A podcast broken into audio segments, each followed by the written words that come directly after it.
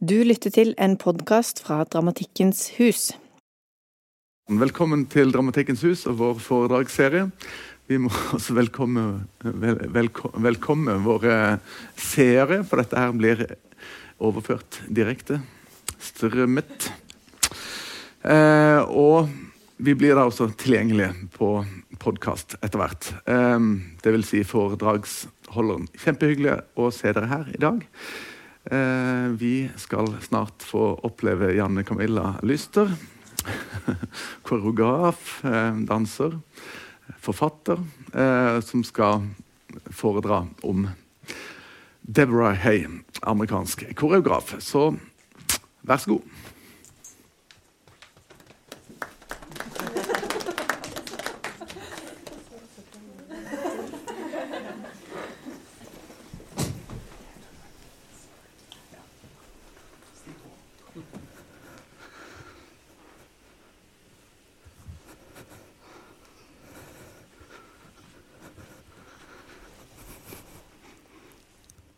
Hei. Så Dette var første avsnitt um, av et uh, soloscore som heter Dynamic. Skrevet og laget av uh, Deborah Hay.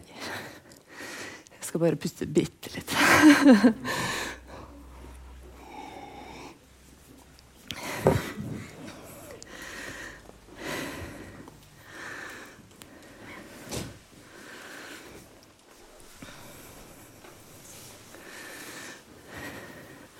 Og eh, dette med scores og partiturer var min vei inn til, til uh, denne koreografen.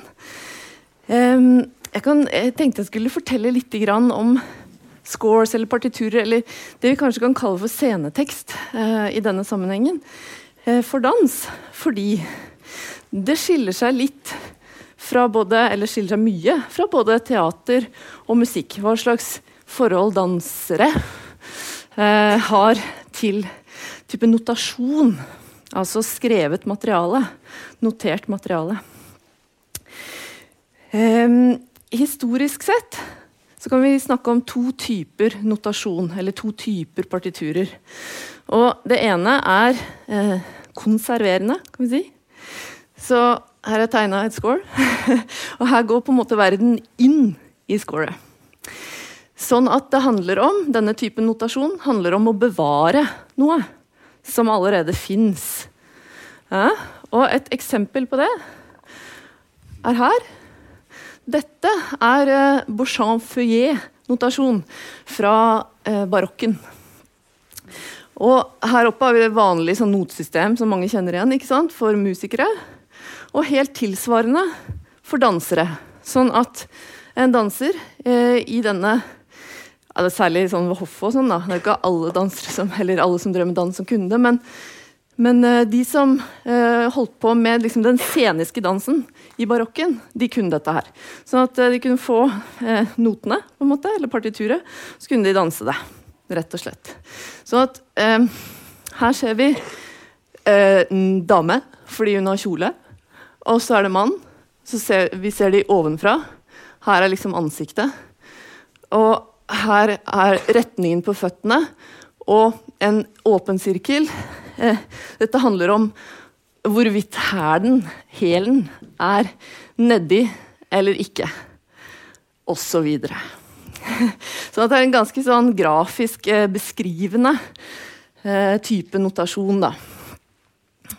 Det står også angående armer, så står det at har du spørsmål om armer, så spør dansemesteren din. Dessverre, da. Fordi det er ikke så veldig mye som er bevart eh, annet enn det fra den tiden. Men eh, det har kommet en bølge, eh, begynte på 70-tallet, i, i, eh, særlig Frankrike og USA, hvor man har eh, begynt å altså, rekonstruere disse dansene.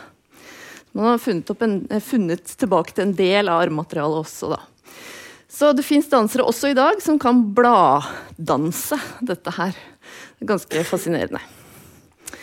Så er det den andre typen eh, notasjon, eller partiturer, som vi kan kalle for genererende. Uh, og igjen så har jeg tegna et score, eller et partitur, og så går liksom materialet ut. Snarere enn at det blir bevart. Så det er et slags startpunkt heller. Det viser ikke nødvendigvis til noe som fins i det hele tatt ennå, men det kan bli mange ting. Og det var en interesse for denne typen partiturer som gjorde at jeg etter hvert kom eh, til Deborah Hay. Jeg skal vise noen eksempler på Jeg har ett her. Dette er eh, for musikk. Eh, skrevet av Earl Brown på 50-tallet. Eh, og her ser vi en sånn type grafisk notasjon hvor han antagelig ikke har et helt presist bilde av nøyaktig hvordan dette må spilles, men sikkert en formening om hvordan det kan spilles. Helt sikkert. Men det ligger i selve dette med denne typen partiturer at det kan finnes et utall varianter som på en måte er like riktige, hvis de er forankra. Altså hvis man har jobbet eh, seriøst, kan man si, da, med eh, partituret.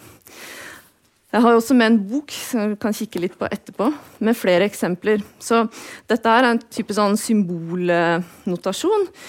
Eh, det fins også mer reine Um, Gå mer over mot billedkunst, på en måte, som kalles piktorale partiturer. Litt fine her. Og de skal leses, eventuelt danses. Det fins også for dans og teater denne typen score, som vi kaller open form. Nemlig fordi at de er liksom åpne i den ene enden. Um, da skal man forholde seg til det som man ser, altså som en seer i det man gjør. Så dere skjønner. Så her er det mer en sånn type eh, tolkning som ligger nærmere språk, fordi at det er noen symboler her som man kan finne en slags verdi for. Ikke sant? Og så oversette eh, til et uttrykk. Mens denne typen snarere skal eh, At man etablerer et sånn sensorisk forhold til det. da. Og så fins det eksempler, også tidlige eksempler på Eller ja, postmoderne, da, men eh, forholdsvis tidlige eksempler på det man kan kalle antydende eller poetiske eh, partiturer. Da har jeg et her. Den. David Tudor er kanskje kjent for en del. Han var en pianist som var veldig eh, inspirerende for mange av de banebrytende eh, komponistene på 50- og 60-tallet. Og her har vi rett og slett eh, partituret. Most of them were very old grasshoppers. Og jeg har bare hørt om en tolkning av den, um, som han gjorde, da. Um, hvor han hadde en skinnjakke og satt ved flygelet, og så beveg, beveget seg sånn veldig forsiktig, sånn at det var den skinnjakka som liksom knirka. da. Så det fins ikke noe opptak av det, i hvert fall ikke som jeg har funnet. Men uh, uh, ja. Så her begynner vi liksom å nærme oss Deborah Hay, da. Uh, som gjennom sin praksis, som jeg skal gå litt nøyere igjennom,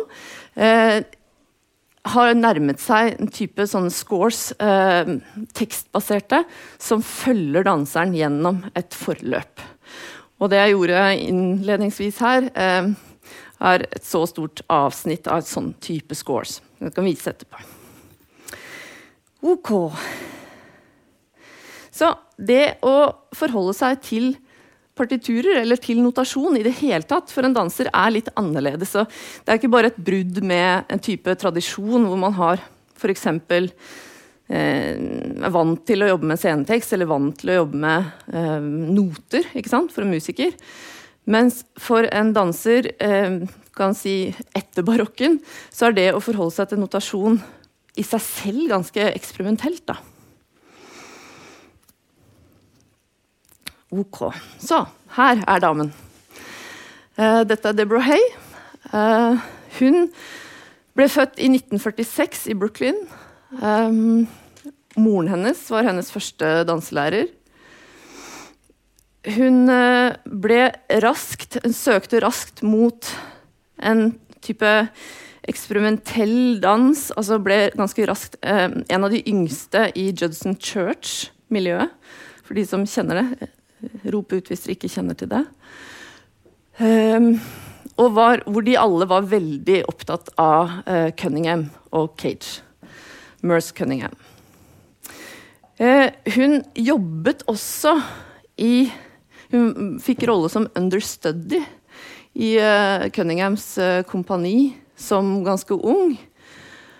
og plutselig så fikk hun da, i forbindelse med en stor turné, så, så, fikk hun plass på scenen, for det var en danser som ble skadet. Og hun var da på en seks måneders turné og sa at det gjorde henne til et forferdelig menneske. Hun, uh, hun syntes hun ble grinete, sur, fæl å ha med å gjøre. At hun behandla de hun var glad i, dårlig i det hele tatt. Sånn at hun ville bort fra den type jobbing.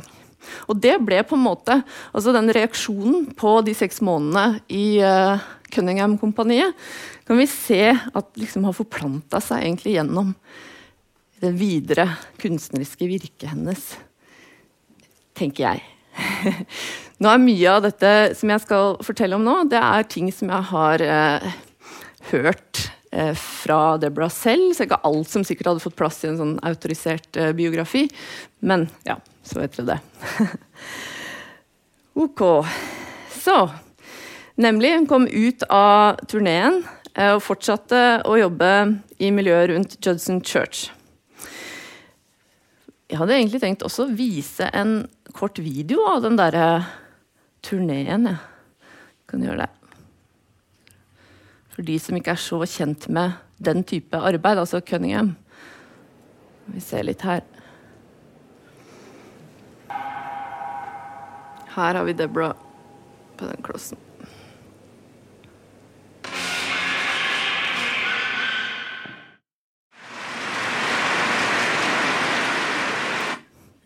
Ja.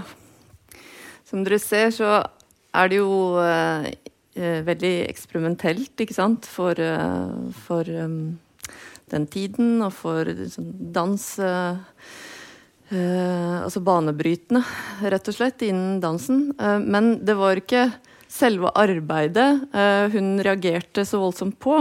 For det fortsatte hun å være utrolig inspirert og opptatt av.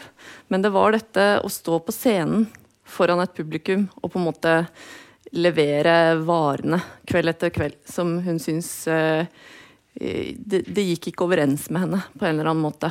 Det der at det var et ferdig produkt, og at det skulle uh, leveres og perfeksjoneres og, og mm, ja, prestasjonen, uh, rett og slett, rundt det. Um, så tilbake i Judson Church, uh, så var hun en av de første til å begynne å tenke seg at hun ville jobbe med vanlige mennesker. Det vil si ikke trente dansere i uh, arbeidene sine. Hun var en av de aller første som, som uh, begynte med det. Uh, og det var, dette var noen hun fortsatte med, og som fikk store ringvirkninger i den postmoderne dansen. hun fant også ut at hun skulle dra fra, fra hele New York og prøve noe annet. Altså, hun, hun, fant ikke helt ro og fred, så hun eh, fant ut at hun skulle flytte til Vermont. Der eh, bodde hun i et telt på inni en låve. og sa selv i en sammenheng at hun jobba med øynene lukket inni dette teltet i seks år. så så kan snakke om liksom, motreaksjon, da mot uh, internasjonal turné med Cunningham. Eh, siden så har hun alltid vært veldig opptatt av det der med å se. Uh, og hvis dere leser noen av de nyere scorene hennes, så handler det veldig mye om how I see. Altså hvordan jeg ser. Det er det som er, blir min dans. Altså den persepsjonen som kommer gjennom å se. Uh, og det er vel nærliggende å tenke at det har noe med dette her voldsomme um,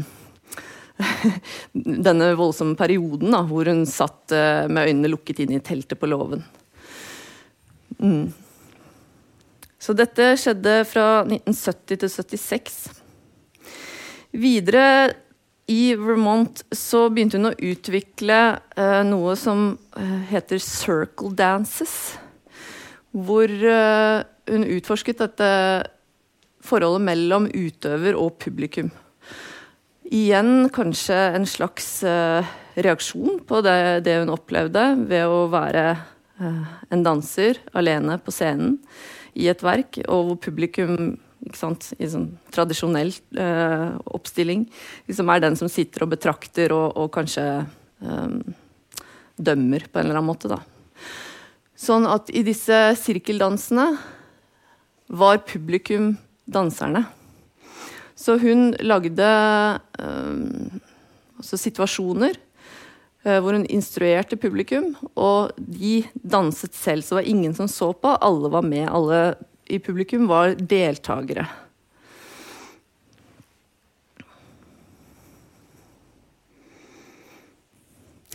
Etter denne perioden i Vermont um, Da var hun, som hun sa selv, en god hippie.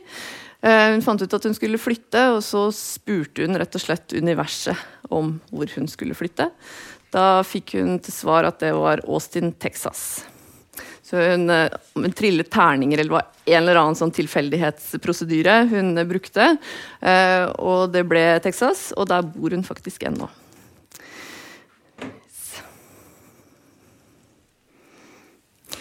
Da hun kom til Texas, så begynte hun å jobbe eh, mer mot et soloformat igjen, som jo har blitt hennes eh, store signatur, på en måte, eh, i, i, flere årtier.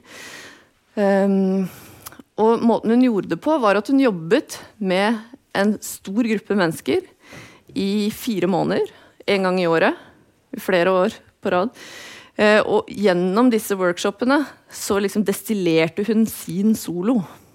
Så fra å gå fra disse gruppedansene hvor publikum var eh, var deltakere, så ble de nå mer sånn middel, på en måte, kan man kanskje si. Altså, De fikk helt sikkert mye ut av å være i workshopene, men det, i hvert fall det kulminerte i en Deborah Hay-solo. Eh, tenkte vi kunne også se et eksempel fra den tiden der. Den heter 'The Man Who Grew Common in Wisdom'. Dette er hele soloen, så vi kan hoppe litt.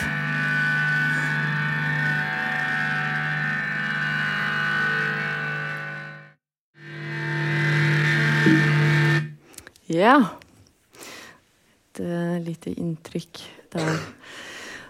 Og det er i denne uh, eraen at hun begynner å jobbe fram en praksis. Uh, I dag er jo det begrepet sånn oppe overalt. Men, men uh, hun begynte altså å tenke på det å stå på scenen, eller det å dele arbeidet, som bare ett uh, Altså bare et punkt i arbeidets liv. og igjen så tenker jeg at det har noe med dette med det ferdige verket. Det å stå på scenen i det. Eh, og så går hun til det at ingen ser på, og så til å utforske det med at verket lever, på en måte, har sitt eget liv. Litt sånn uavhengig av både utøveren på en måte, og også publikum. At man kan komme inn og se det, men det, det, er fortsatt i arbeid. Det er et arbeid. Det er det samme arbeidet om det er noen i rommet eller ikke. Det er også en strategi, på en måte, kan man kanskje si, eh, for å kunne, for å kunne jobbe for Deborah. Um, denne praksisen som hun begynte å utforske på egen hånd, tok hun seinere videre inn i det som eh, er kalt Solo Performance Commissioning Project som er et av de prosjektene hun er, kanskje er mest kjent for sånn i dag. Eh, det var et 14 år langt prosjekt hvor hun en gang i året um, inviterte etter søknad 20 dansere fra rundt om i verden. Eh, samlet dem i ti dager, en workshop, og overleverte en solo i form av et score, eller et partitur. Det var dette jeg var med på. Jeg var med på den siste av de 14 eh, i 2012. Så hun begynte på Whidbey Island i eh, USA i 1998. Og i 2000 allerede, eller 2000, ja, 2000, så ble det flyttet til, eh, til Skottland, til Findhorn, som er eh, en økolandsby langt ute ved havet i, i eh, Skottland. Og i denne økolandsbyen så har det altså vært 20 dansere fra hele verden i en periode, over en periode på 14 år. Eller det blir 12 da, der, men ja. Uh, hvor hun kommer med et score overleverer det liksom, første dagen.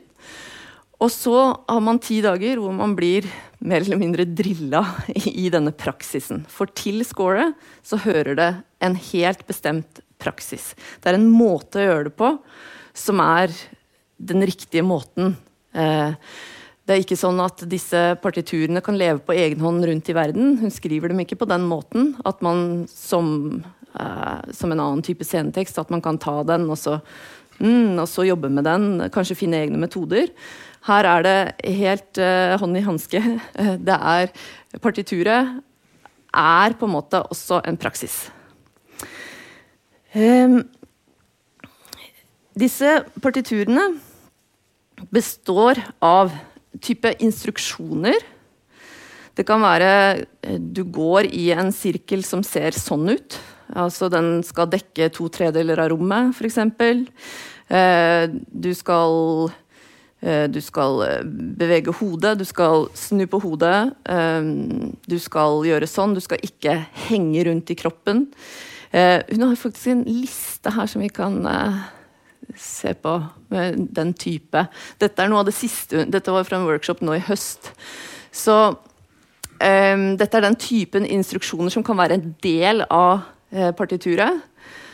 Ikke lov å gå, ikke lov å ligge på gulvet, ikke henge rundt i kroppen. Altså ikke være uh, sånn. Man skal hele tiden liksom være konfigurert på en eller annen måte. Uh, alt lever. Um, ingen uh, narrative øyeblikk. Det kan man se i tidligere arbeider at det, det fins en del narrative øyeblikk, men det har liksom gått helt bort fra. Skrelt bort. Uh, struktur er hun veldig opptatt av. Uh, hvordan man lager sekvenser i bevegelsene. Sånn, for eksempel. Så hvis jeg gjør sånn, så ser det ut som jeg skal sette ned den foten. Da skal jeg gjerne jobbe med at da går den en annen vei. Så hele tiden så gjelder det å bryte de innøvde logikkene som ligger i en dansers kropp. Eh, og så kan det også bli en vane, så da må man jobbe med å bryte det for, for å være tro mot praksisen. Uh, ingen sånn cause and effect composition. Uh, det kan være f.eks. Hvis den armen går ned, da, så gir den meg liksom et hopp. Det er ikke lov. Så hvis den går ned, så må jeg stoppe på en måte det momentumet. Veldig viktig. Um, no stretching, den har ikke jeg hørt før, men uh, det er sikkert noe som skjedde i denne workshopen hun holdt i høst. da, ikke sant, At noen liksom Et eller annet. Uh, så liker hun ikke det. Uh, da går det på lista. ikke noe Ja Long Body memory apparent. Ja, det går vel igjen på dette her med at Uh, man skal bryte med det kroppen på en måte kan eller vil, uh, eller husker. No floppy arms, ja, det går litt på det der å henge ut igjen. Um, det har hun vært veldig opptatt av når jeg har jobbet med henne også. Det skal liksom ikke være en finger løs, på en måte, men igjen en slags sånn Den samme bevisstheten som fins, som vi ofte tenker på at ligger her oppe, da, den skal liksom ligge overalt på en gang. No time to explore. Og det kan man tenke seg at det, Hæ? Er ikke det litt rart? Når det er et såpass uh, Det er jo tross alt et ganske sånn undersøkende arbeid.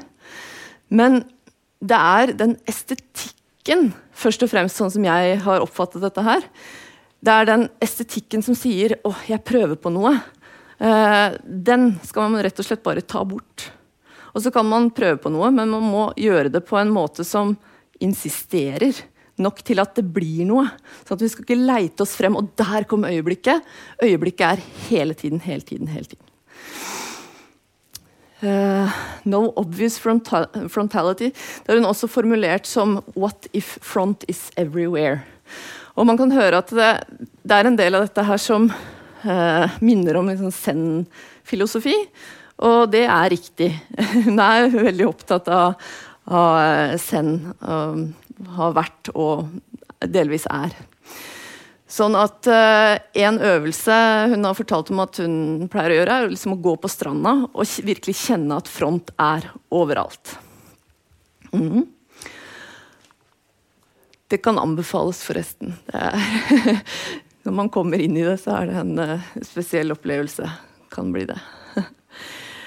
No need to be creative or unique. Igjen uh, veldig mm, viktig i, i arbeidet hennes, sånn som jeg har opplevd det. Uh, fordi det medfører en slags sånn søken uh, og et hierarki mellom øyeblikk. Sånn at noen øyeblikk blir, viktigere. Der man liksom ah, der fikk jeg det til. Uh, mens andre blir liksom de derre Leite Leiter meg fram litt her. Eh, men alt gjelder. Eh, alt teller. Eh, hvert eneste øyeblikk skal liksom åpnes. No obvious adrenaline-driven movement, nemlig. Skal, og dette har hun også snakket en del om uh, da jeg var på, um, på, innstudering, eller praksis. At man skal ikke liksom bli forført. Altså Man skal ikke bli forført noen ganger, Det kan være liksom, Man kan komme inn i en flyt og hvor, hvor dansen er liksom, liksom fantastisk å holde på med. og det er ikke lov rett og slett. ikke bli forført. Eh, eh, ikke få adrenalin som liksom pumper deg opp til et eller annet stort øyeblikk. Så, sånn flat struktur mellom øyeblikk, kan vi si. Så det er litt uh, eh, 60-tallet her ikke sant, gjennomsyrer. Uh, no apparent inner timing driving your dancing. Uh, til oss så sa hun Remove the sequencing from your sequencing. Så igjen handler det om dette her gjenkjennbare. Hun vil bort fra det man har som minner om noe man har sett før. Og så vil hun inn i det som skaper uidentifiserbare øyeblikk. Så hvordan kan vi si det annerledes? Hvis man tenker at 'å, det var bra dans', på en måte, så har man mislykkes litt eh, med å gjøre en Deborah Hay-koreografi. Hun fortalte selv at da hun eh, gjorde en av disse soloene som jeg nettopp viste, jeg husker ikke helt om det var den, men en i den rekka, liksom, så var det en publikummer som hadde sagt til henne at eh, jeg kan ikke se om du er god til å danse eller ikke. Da hadde hun blitt veldig fornøyd med det.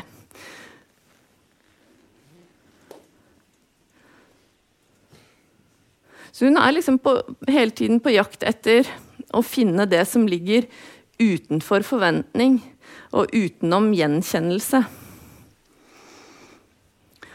Så dette var eh, Ja, det ble en lang utlegning om det som er eh, type instruksjoner i disse scorene.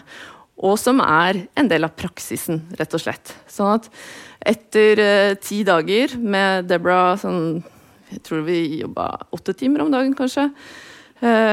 Så hører man disse instruksjonene. Altså de blir liksom internalisert. Så, så, no hanging around, uh, uh, ha kontroll på vekta, alle disse tingene. Så når man står i studio seinere aleine, så hører man liksom Deborahs uh, messing, da, på en måte, ved seg. Vet ikke om du er enig, Solveig? Du har også gjort det? Ja. yes. Ok. Andre ting i disse scorene. Eh, hun jobbet lenge med type også poetisk språk. Hun brukte type poetiske bilder. Det har hun gått bort fra nå, men det kan jeg snakke mer om.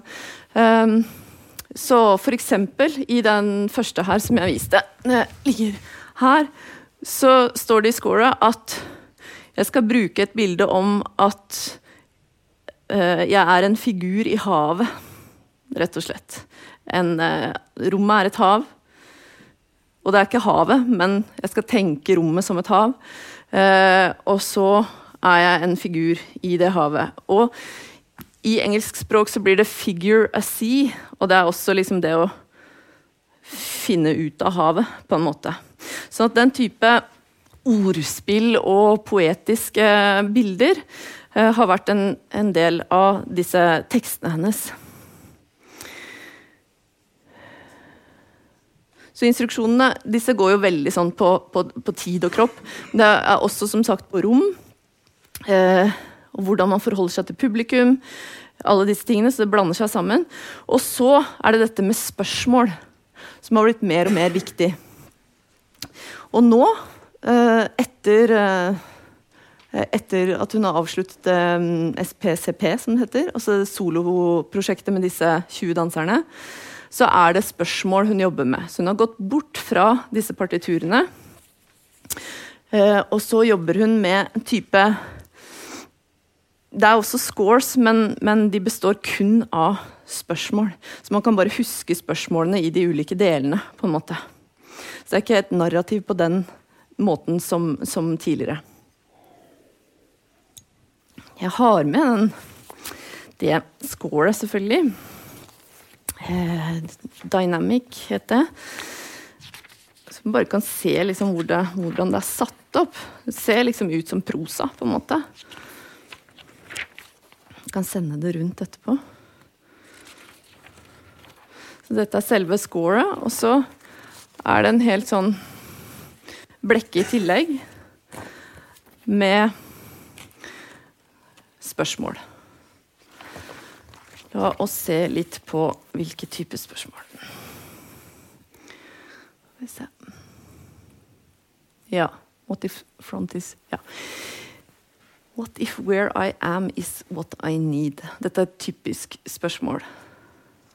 Og hva et sånn typisk spørsmål gjør eh, med en danser, i min erfaring igjen, det er jo det at man kan tillate seg å gå bort fra nettopp det å søke etter materialet. Eller søke etter det unike, det som er bra, eh, det som betyr noe.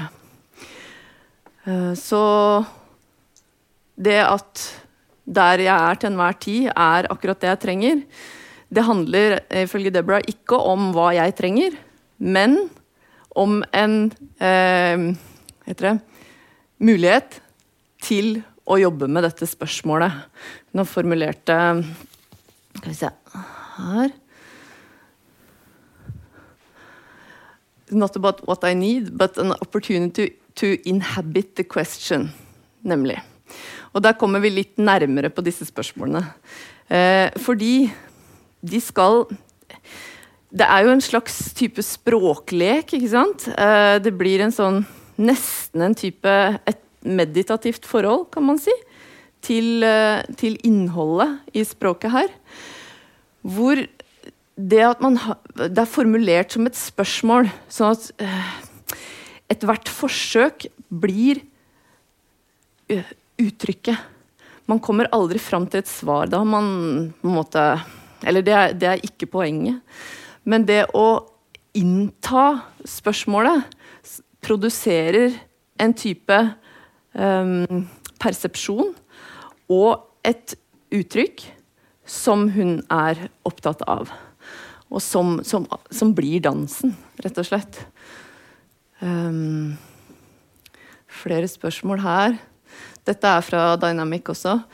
Uh, what if dance is how I practice relationship with my whole body at once in relationship to the space where I'm dancing, in relationship to each passing moment, in my relationship to my audience. Ja, så det krever også en del eh, øvelse, eller praksis, da, rett og slett. ikke sant? Og, og på en måte få hva, hva, kan, hva betyr dette i kroppen? Først så må jeg huske det. Og det hjelper hun jo veldig til med, siden hun, hun sier Hun eh, liksom byr på disse spørsmålene gjennom praksisen mens man holder på. Og så må man på en eller annen måte komme litt forbi ordlyden av det. Altså Sånn at man ikke bare liksom mm, gjentar språket, men kan få en type igjen da, en sånn sensorisk opplevelse av hva det spørsmålet betyr når jeg er i det i kroppen. Og i øyeblikket. Og dette er også en ting som jeg tenker at er ganske eh, viktig for Debra. Så what if the depth of this question is on the surface? Eh, og på disse eh, SPCP-ene med 20 dansere som er samla, som ikke kjenner hverandre fra før, og man er i en, en sånn økolandsby ikke sant? ute ved havet, det er vakkert, det er fantastisk, så kan det jo lett bli litt sånn leirskolefølelse man sitter rundt bål og vil kanskje diskutere disse, eh, disse um, spørsmålene. Snakke liksom filosofi, eller Da er hun helt uinteressert. Så uh, det skal Det skal på en måte bare inn i kroppen, og så skal man lære av kroppen. Det går ikke gjennom en analyse, uh, ifølge Deborah. Man skal ikke liksom sitte og prøve å knekke koden. Man skal bare gå inn i spørsmålet og se hva det spørsmålet gir. Og så akseptere det også. Det er en ganske vanskelig øvelse, syns jeg. Fordi det bryter Det er jo en ganske Altså, det bryter med, en, med mye av den tankegangen som vi ellers øver oss på, ikke sant? I samfunnet og i, i dansen og Så ja kanskje nok med, med de spørsmålene der. Og så, etter ti dager, da, så kan hun bare si 'what if'. Og så eh, kommer alle disse spørsmålene på en måte eh, gjennom type den fysiske erfaringen. Så da har de liksom blitt konfigurert i kroppen. Det tar ikke alltid bare ti dager, tror jeg. Altså. Eh, men, men, noe av det kunne jeg allerede kjenne da. At eh, når hun sa 'what if', så OK, ja, nå er det, det, er den, det er den måten å jobbe på. Det er det jeg kan Det er det forholdet jeg har til, til det jeg ser, til det hva jeg kan gjøre. Og um, en stor del av dette prosjektet er at når man er ferdig med de ti dagene, så skriver man en kontrakt. Fram til det året hvor jeg var med, så var det en kontrakt på tre måneder hvor man skulle praktisere dette scoret, eller partituret, hver eneste dag. Um, før første Altså før man hadde en sånn type offentlig visning eh, på det. Uh, og det året jeg var med, så fant hun ut siste dagen at det skulle bli ni måneder. Så da holdt vi på i ni måneder. Og hvis man hoppa over én dag, så skal man begynne på nytt. Så det er veldig Altså, det er en praksis som både er veldig rigid, og som er, apropos sånn open-ended, da, ikke sant Man må stole på, på praksisen. Man kan ikke liksom begynne å tenke ja, men hva det må jo bli bra, eller det må jo uh, Men jeg må begynne å planlegge, ha en premieredato, eller sånn. Eller sånn. Men det er ganske tøft, da. Man må liksom bare inn og gjøre den uh, praksisen. Og så avleirer det seg noe, eller krystalliserer seg kanskje noe. I løpet av den, som rett og slett man må liksom godta, da, eller akseptere. Så det er solopraksisen. Noen spørsmål så langt? Kan godt ta litt underveis. Jeg, jeg har, har ja. ja. Okay. Eh, nei, altså det var kanskje mer en sånn her, eh, refleksjon om hva du tenker om den autoriseringa. Det er akkurat akkurat det der, det siste punktet, ja. er jo på en måte både det som produserer mm. noe veldig spesifikt, men mm. det er jo også det som gjør at en kanskje hater noe litt til slutt. ja. Fordi at det er jo også på en måte at en ganske sånn auto... Altså praksisen, spørsmåla, scoret har noe veldig lite autoritært ved seg. Ja.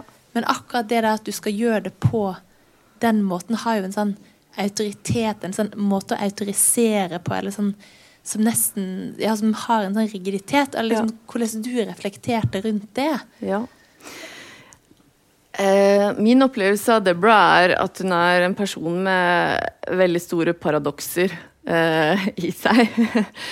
um, hun kan være veldig opptatt av liksom det som ikke ligner på noen ting, og så kan hun være samtidig veldig begeistra for ballettdansere, liksom.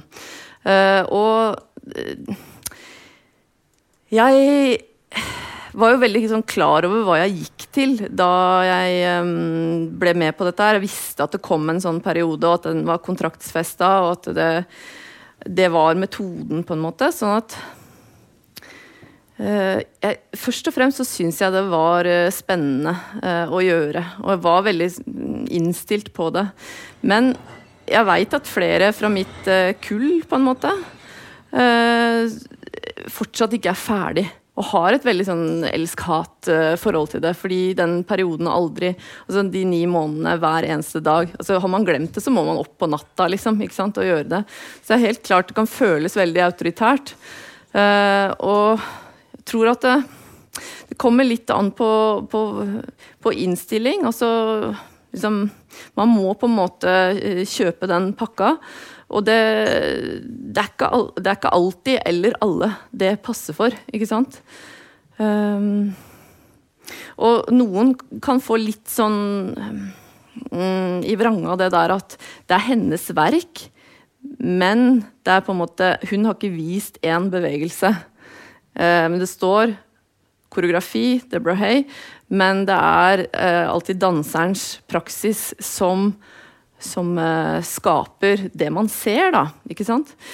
Og det, det kan man også skjønne. Men da er det jo også et poeng at det, hadde ikke kommet til verden uten den praksisen. Så det er absolutt en det er liksom det lyset som treffer prismen, på en måte. Om danseren eller scorer er prismen, eh, og motsatt.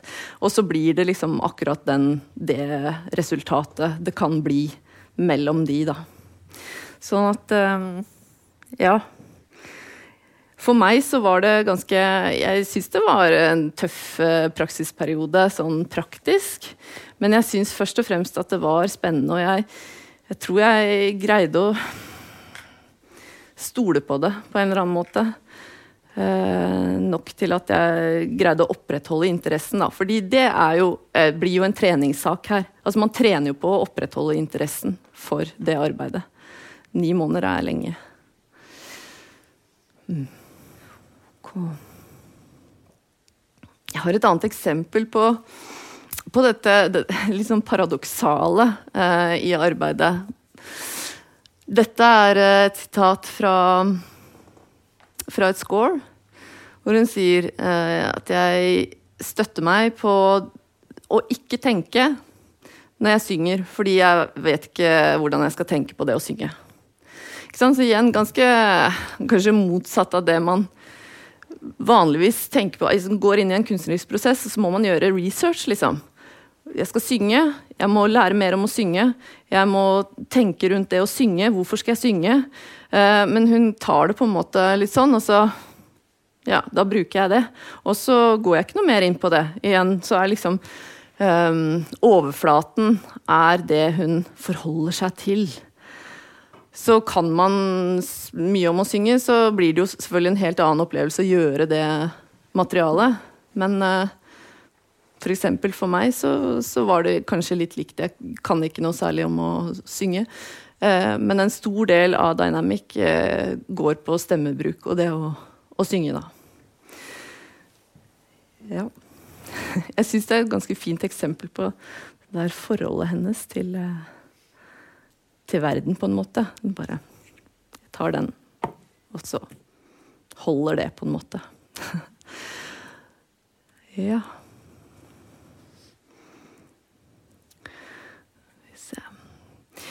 Jeg tenkte jeg også skulle vise litt om uh, Vise litt fra nyere ting hun har gjort.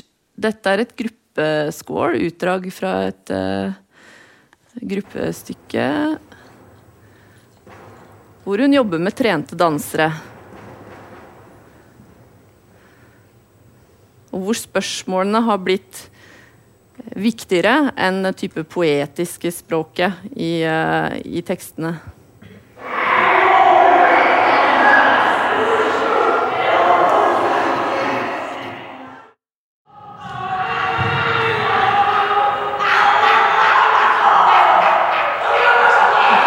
Yeah. Så det som er litt spennende, syns jeg, er at selv om Debra ikke viser bevegelser, eh, så eh, gjør alle disse retningslinjene som man blir så veldig drilla i, at det blir en veldig sånn, egen estetikk. Ikke sant? Det er liksom noen ting som er innafor og utafor, selv om man kunne tenke seg at at det fantes mange flere um, muligheter. Så én ting er disse spørsmålene og disse retningslinjene. Uh, og så er det nok også det at man veit noe om henne, ikke sant? Uh, at hun er en av de uh, liksom store fra Judson Church, og man har sett noe hun har gjort. Så man blir nok også påvirka av det, absolutt, inn i arbeidet. Men eh, jeg tenkte jeg også skulle vise liksom, neste steg sånn kronologisk. Det er et arbeid hun gjorde for uh, Kullbergballetten uh, i 2015. Så to år etter dette. Hvor hun liksom har fra å være ja, altså alle disse utviklingsstegene ikke sant, innom uh, ikke-dansere, publikum som dansere, seg selv som solodanser, uh, det å gi en skrevet koreografi framfor å vise til, uh, til, andre dansere. Og så inn til liksom de store kompaniene, liksom. Det er en litt sånn fiffig utvikling, syns jeg. la oss se på Kullberg, som gjør Deborah Hay. Og dette er kun spørsmål. Her var jeg med på et sånn pilotprosjekt så at eh, jeg veit litt om hva de jobber med her. Og det er, det er veldig mye What if front is everywhere? og uh, What if where I am is what I need? Og alle disse spørsmålene. Som er komponert i et type forløp som forholder seg veldig grafisk til rommet. Så spørsmål pluss liksom baner i rommet, rett og slett.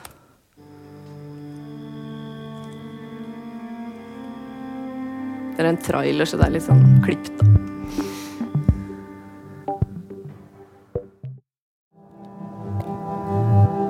Ja.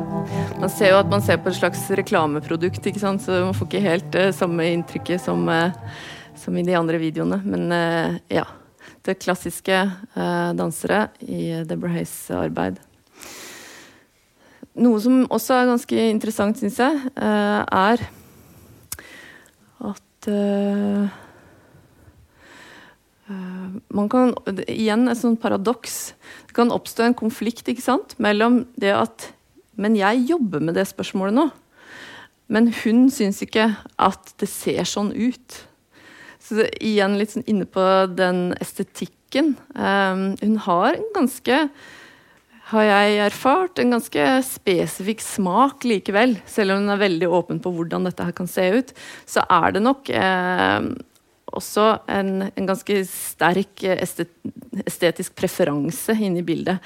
Som f.eks. når hun jobber med sånn større kompanier, at det blir eh, det blir liksom en, kan bli en kampsak, tror jeg. Liksom, eller en sånn eh, forhandling mellom danserne og Deborah. Hvor de sier ja, men jeg gjør det. Og hun kan si 'men du gjør det feil'. på en måte. Og hvordan kan man være i et spørsmål feil? Sånn at uh, det er nok uh, en utfordrende side av arbeidet, som jo tross alt er veldig sjenerøst, på en måte. Hun stoler jo veldig på danserne sine. Og, den tilliten mellom henne og at danserne faktisk går inn og jobber med, med det materialet de får. Altså det, disse spørsmålene som, som, ikke består av fysisk material, på en måte, men som består av eh, et type sensorisk forhold til verden. Det er, eh, det er en slags eh, grunnleggende del av arbeidet hennes. Da. Eller det helt grunnleggende i arbeidet hennes. Den tilliten. Så siste sitat jeg har med. Dance is my form of political activism. It is not how I dance or why I dance. It is that I dance. Jeg syns det er ganske uh, fint uh, og igjen beskrivende for, uh, for hvis, Når vi ser liksom det strekket av karrieren hennes så langt, da, eller arbeidet hennes så langt, kanskje bedre å si. Så har jeg også en uh, liten avslutningsvis uh, anekdote. Uh, hvor hun, hun, sier at hun har flere ganger gjennom årene liksom, Hun har jo møtt mye motgang, og det er ikke før nå de siste årene at de store kompaniene liksom har vært åpne for henne, og at hun har fått måte, ordentlige jobber, eller hva man skal kalle det. Altså noen økonomisk liksom, ok arbeidssituasjon. Da. så hun fortalte at hun eh, i flere anledninger har hatt lyst til å slutte. Så snakket hun med en venn om det da, og sa at nei, nå, nå, er det liksom Nå orker jeg ikke mer. Nå må jeg bare finne på noe annet. Begynne å jobbe i Posten. Uh, hvor han svarte at uh, Deborah, du går rundt med en alpelue og har aldri hatt uh, fast arbeid. De kommer ikke til å ansette deg, så du får bare fortsette. Så med de ordene tenkte jeg skulle avslutte. Takk for meg. Du har nå hørt en podkast fra Dramatikkens hus. Har du lyst til å høre disse foredragene live? Sjekk ut våre hjemmesider dramatikkenshus.no.